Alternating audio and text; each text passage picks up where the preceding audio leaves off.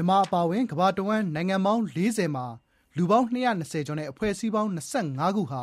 ကုလသမဂ္ဂနဲ့လူ့အခွင့်အရေးဆိုင်ရာပူးပေါင်းဆောင်ရွက်မှုတွေအတွက်အစိုးရနဲ့အစိုးရမဟုတ်တဲ့အဖွဲ့အစည်းတွေရဲ့ခြိမ်းခြောက်ခံရတာ၊လက်တုံ့ပြန်အရေးယူခံရတာတွေနဲ့ရင်ဆိုင်နေရကြောင်းကုလသမဂ္ဂရဲ့အစီရင်ခံစာသစ်ကပြောလိုက်ပါတယ်။ဒီအချက်အလက်တွေက၂၀၂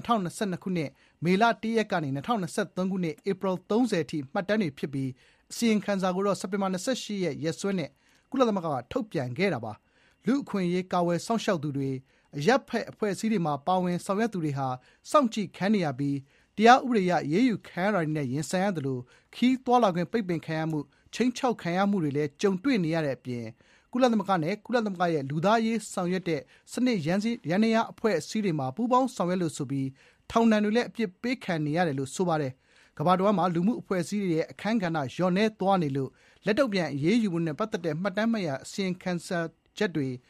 အတိအကျ ပြုစုနိုင်ဖို့ ခက်ခဲနေပြီး အမှန်တကယ် ဖြစ်ပျက်နေတဲ့ အရေအတွက်က ဒီထက်ပို များပြားဖွယ်ရှိတယ်လို့ ကုလသမဂ္ဂရဲ့ လူ့အခွင့်အရေးဆိုင်ရာ လက်ထောက် အထွေထွေ အတွင်းရေးမှူးချုပ် Gisele Brand-Carrick က ဂျနီဗာ လူ့အခွင့်အရေးကောင်စီ တင်ပြရာမှာ ပြောပါတယ်။အခုနှစ် အစီရင်ခံစာမှာ လူ့အခွင့်အရေး ချိုးဖောက်ခံရသူ တဝက်က အမျိုးသမီးနဲ့ မိန်းကလေးငယ်တွေဖြစ်ပြီး သူတို့ဟာလည်း ပြန်လည်ပြီးပြင်းပြင်းထန်ထန်လက်တုံ့ပြန်ခံရမှာကိုစိုးရိမ်ကြောင်းပြောကြတယ်ဆိုပါတယ်။ဒေသခံတွေဟာလုံခြုံရေးအတွက်စိုးရိမ်ရလို့ကုလသမဂ္ဂနဲ့ပူးပေါင်းဖို့ငြင်းဆိုတာဒါမှမဟုတ်အမည်မဖော်ဘဲလုပ်ကိုင်ရတာတွေတိုးလာတာတွေ့ရကြောင်းလည်းအစီရင်ခံစာမှာဖော်ပြထားပါတယ်ခင်ဗျာ။